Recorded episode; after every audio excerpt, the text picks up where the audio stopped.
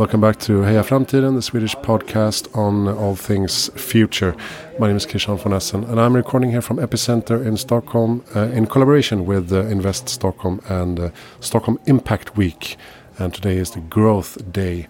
And I'm sitting here in a booth with uh, Robert Rubinstein. Welcome to the show. Good afternoon. Thank you very much for. Oh no, it's still morning. Thanks a lot for having for having inviting me to your uh, podcast and also for Impact Week from Stockholm. It's a pleasure to be here. I'm a big fan of Stockholm. We did our international summit here three years in a row. And by we, you mean uh, a company or an organization called Triple Bottom Line Investing. Tell us why you found the urge to um, create such a, such an organization 25 years ago, or where was yeah. it? Well, I um, I wasn't publishing. I started the first bicycle magazine in the Netherlands, and that was a big financial and spiritual success. The other two magazines were only spiritual successes, financial disasters. And the last one was the first European management magazine on sustainability. I think we started in 95. And when the investors pulled the plug, I still wanted to create an economy based on well being. And I figured the only way to do that, I needed to get the business community on board. So, but they would only respond 1995, 98 to pain. So I, I looked at how could I influence their pain threshold that they would say, mm, the direction we're going now is very bad and very painful. So it was finance, personnel, reputation. I chose finance. Um, I looked at personnel. I taught MBA students for a while, but most of them were chicken afraid of their student loans, so they didn't want to pursue their dream. And I just looked at who had all the money in uh, 98. So the, the, the, top 100 had direct or indirect control of about 20, 25% of all the money. It's changed a bit, but there's still a large con- at the top. So I figured ah, I only have to convince 100 CIOs, 100 guys. And that's why I started TBLI as a way of educating asset owners, pension funds, insurance companies, family offices, etc., and asset managers, people who manage that money. Why is sustainability relevant to them? And that's how we started. Uh, not the intention of being a conference organizer. Our work was, and it still, it still is, change the financial system so it works for all stakeholders, not just the investor. So, what is that you do in practice? You host uh, events and you provide information and learnings. Oh well, well, we used to do 40 international summits. We did it in Europe, Asia, Latin America, North America, and we would get big pension funds, insurance companies, fund managers, service providers, thought leaders around together to share experience and learn about the state of the art. Uh, when COVID hit, we had to pivot to a completely virtual system. So we did uh, several summits, international summits, virtually online.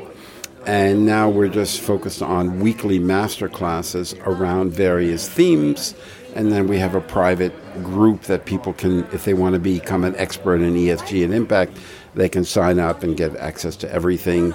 But most of our work is capital raising. So we have the world's largest network of ESG and impact investors. We have about 50,000 readers that get the TBLI Weekly, a digital publication. And of that, maybe 15, 20,000 of those are investment allocators. So they decide on investment. And we built a kind of Tinder for impact with a different type of happy ending, a dating engine, and we adapted a dating engine for matching investments with investors. And then we're hired by funds or companies say, I need to raise money for this, or I have the solution for climate here, or agriculture, or transportation, or healthcare, or so power. Um, and then we reach out to our network, we make a selection introduce those people. So we do two things education through TBLI Conference, that's one company, which is the weekly master classes and lectures and things. And the other is TBLI Consulting, which is more advisory and fundraising. I can only assume that your your work with promoting uh, impact investing and sustainability um, has become in a way easier because more companies realize the, the business value of uh, doing these things.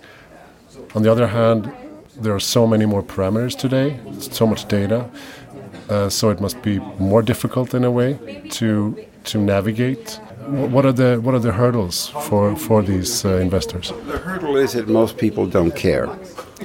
That's the real hurdle. They're not really committed to sustainability.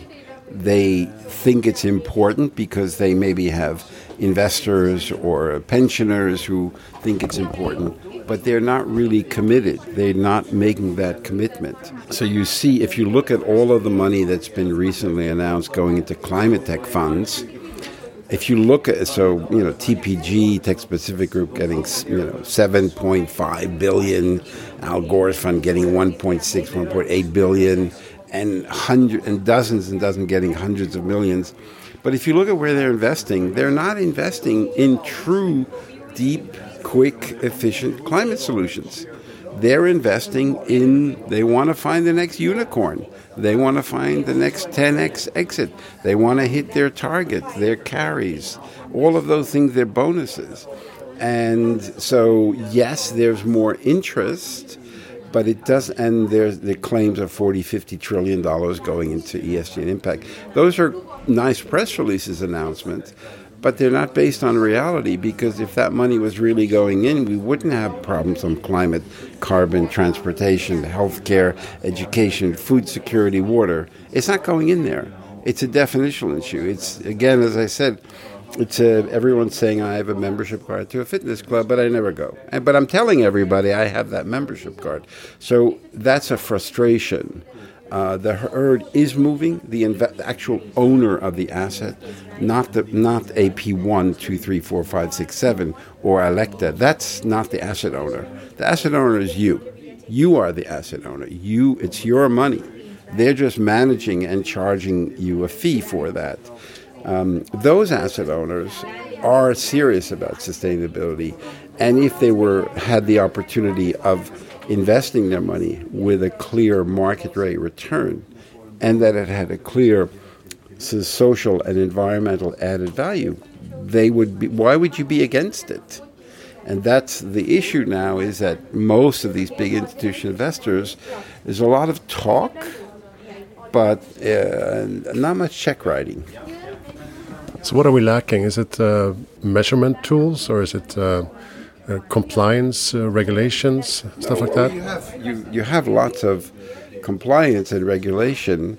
There's very little true commitment from the large asset management companies, the pension funds, and all of that to sustainability. They talk about it's important, yeah. I am a simple I'm a simple guy. I come from Brooklyn. So I look at okay, you say you're going to do that. I look where the money's going. And if you look at where the money's going, it's not going into environmental or social restoration. It's not. So uh, it's it's it's education, commitment. Most of the financial institutions are not willing to make the commitment because they don't know, they don't understand. They're rather simple. I mean, I once said to the head of Goldman Sachs in the Benelux, I can't prove it, but I have a feeling the investment manager is wrong half the time. You know what he said to me? No, three quarters.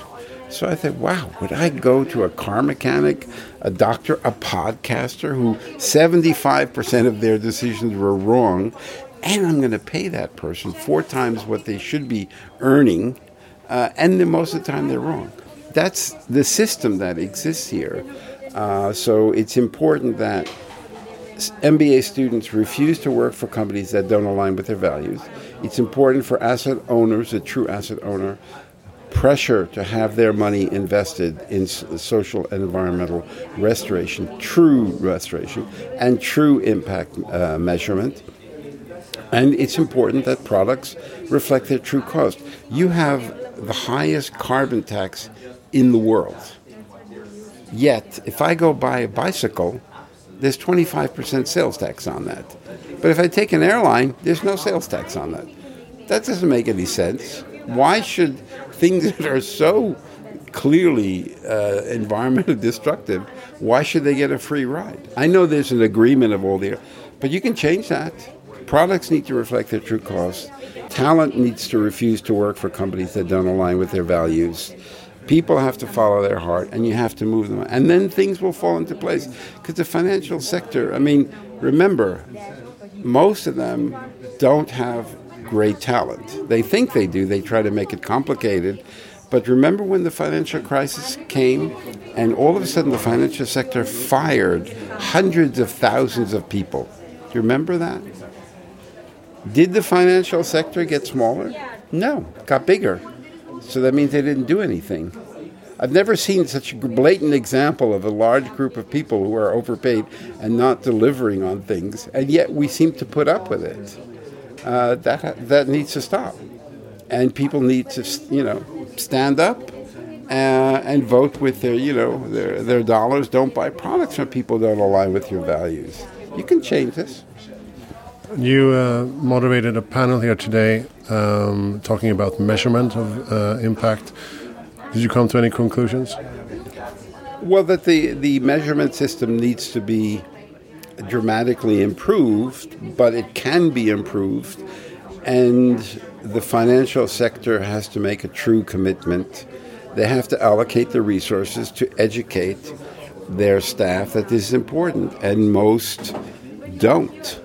Most don't. They just, you know, uh, it's like every year uh, the World Economic Forum in January, middle of January, lots of press releases go out.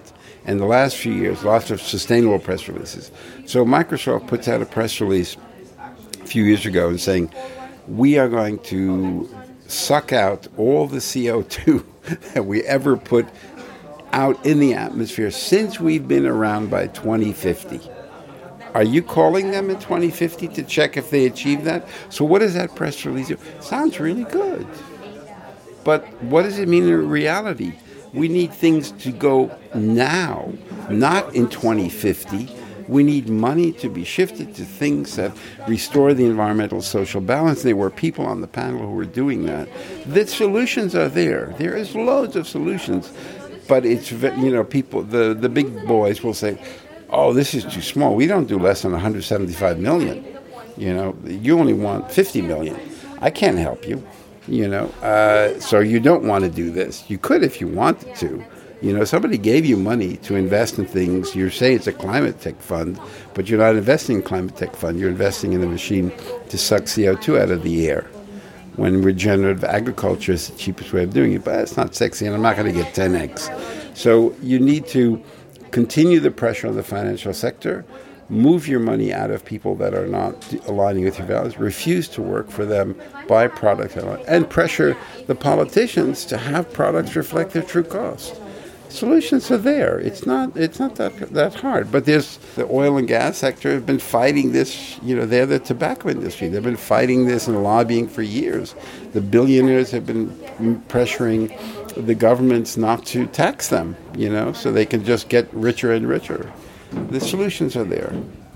You mentioned that you were going to set up a MMA cage fight for uh, different measurement tools when it comes to yeah. Um, yeah, impact. We've, we've, set it up. It's a TBLI Better World Prize because I was always frustrated when we did our TBLI conference. None of the measurement organizations, MSCI, uh, Morningstar, Sustainalytics, whatever, they never wanted to be on a panel together with their competition. They always, didn't want comparability. So, and I didn't like the, what the ESG measurement system had become. It's just a death march in the wrong direction, but slower, and they think it's that's progress. So I, I got together because we have such a big network. I asked eight super geniuses in the ESG measurement, hardcore people. Would you be willing to join our panel? And we have Desiree Fixler, who was fired by Deutsche Bank because she refused to sign the document saying that their ESG approach is super kosher. She was fired for that. And we have people from MTR, we have the head of Kaya, we have lots of thought leaders. So you guys come up with questions that each measurement organization has to answer. We'll ask them each to make a five minute video presentation of themselves, pre recorded. We will put that on our virtual platform. People, you know, can watch that. Then we'll load that up to our voting platform. So we have now 40, 40 different companies, measurement framework that will present. There's a choice of 1 to 10, and then there's the logo so you know who you're voting for. Uh, and we'll keep that there for maybe three, four, five months because it's 40 presentation of five minutes, a lot to process. Uh, and then we'll reach out to all of the MBA schools in our network, all of our people in there, all of the, uh, the media people, to get hundreds of thousands of people to vote. And then we'll give the award, but it's a people's choice. I say jokingly, MMA cage fight, a civilized MMA cage fight. But basically, people will have a library of comparability, which they don't have now.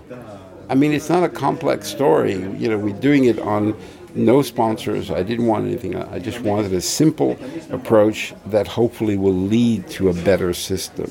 By having that comparability, hopefully, I don't have the resource to make a better measurement system, but I have the resources to mobilize everyone to vote on what's the best one.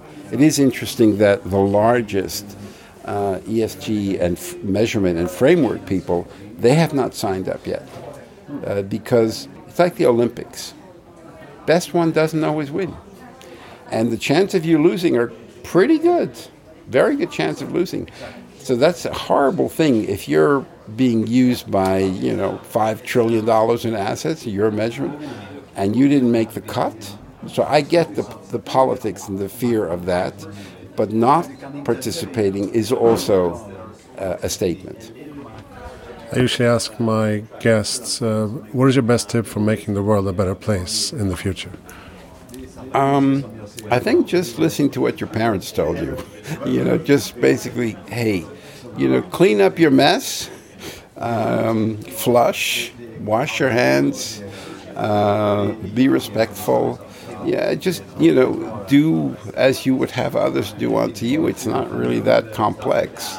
And the, the rest is just, you know, uh, detail, but uh, it's it's it's really it, you don't have to do deep analytical research about this. You you know if someone is acting, you know, uh, great. Eh, all of the fast fashion stuff for you, you know, next gen and Gen Z is great. I can buy stuff every week in a different fashion, but you've created this this tsunami of clothes to burn and throw away. So you can change it, you know, if you want to. If you don't want to, that's okay. Go to Burning Man. Go there with 300,000 people or whatever there are all in these used uh, SUVs burning lots of gasoline. Have a big party and thinking you're fixing the world. You're not. It's very simple. Do basic human interaction, help people, share call back. Somebody actually emails you right back to them. That would also be a great improvement. I never ask anyone to do climb Mount Everest barefoot. I always have a simple ask. And if people can't do that and they can't share, that's cool, but I can't work, help them. I'm happy to help everybody, but you know, you got to share. You know, I'm bringing you a wheelbarrow of stuff and you're taking everything out and leaving no crumbs for anyone. So uh, sharing is really important, and generosity, and just be yourself, authentic. Great, thank you so much, Robert sure. uh, Rubinstein. TBLI dot. Oh, uh, sorry, TBLIgroup.com. Or uh, yeah, if you go there, our new website should be up. I think this week or next week, and then you'll learn about the Better World Prize and all the all the things that we do.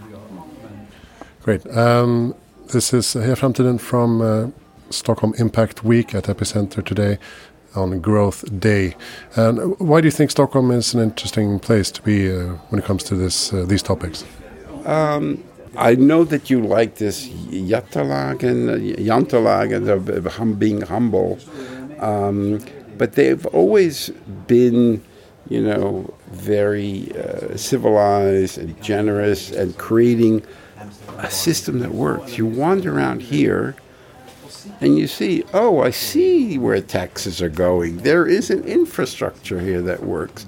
If you go in the US, nothing functions there. It's all collapsing. Education is based on property, local property taxes. So you've built a system that, you know, takes care of people. And when people vote, whether they're right or left, they, in general, they're trying to think of how this would benefit the largest group, not just one small, wealthy, political, eh, well influential, eh, like eh, only SEB Bank is going to benefit from something. Um, so you always, uh, it was always a, a balanced society. Uh, you just have to be a little bit less humble. You don't have to be so humble, you know, because you've got a lot of great stuff over here. Uh, and it's very beautiful. It's a very beautiful city. Great. Thank you so much, Robert. Thank you. Um, make sure to check out uh, TBLI and uh, Stockholm Impact Week back again 2023. My name is Christian von Essen, hejaframtiden.se for all information about this podcast. Thank you for listening.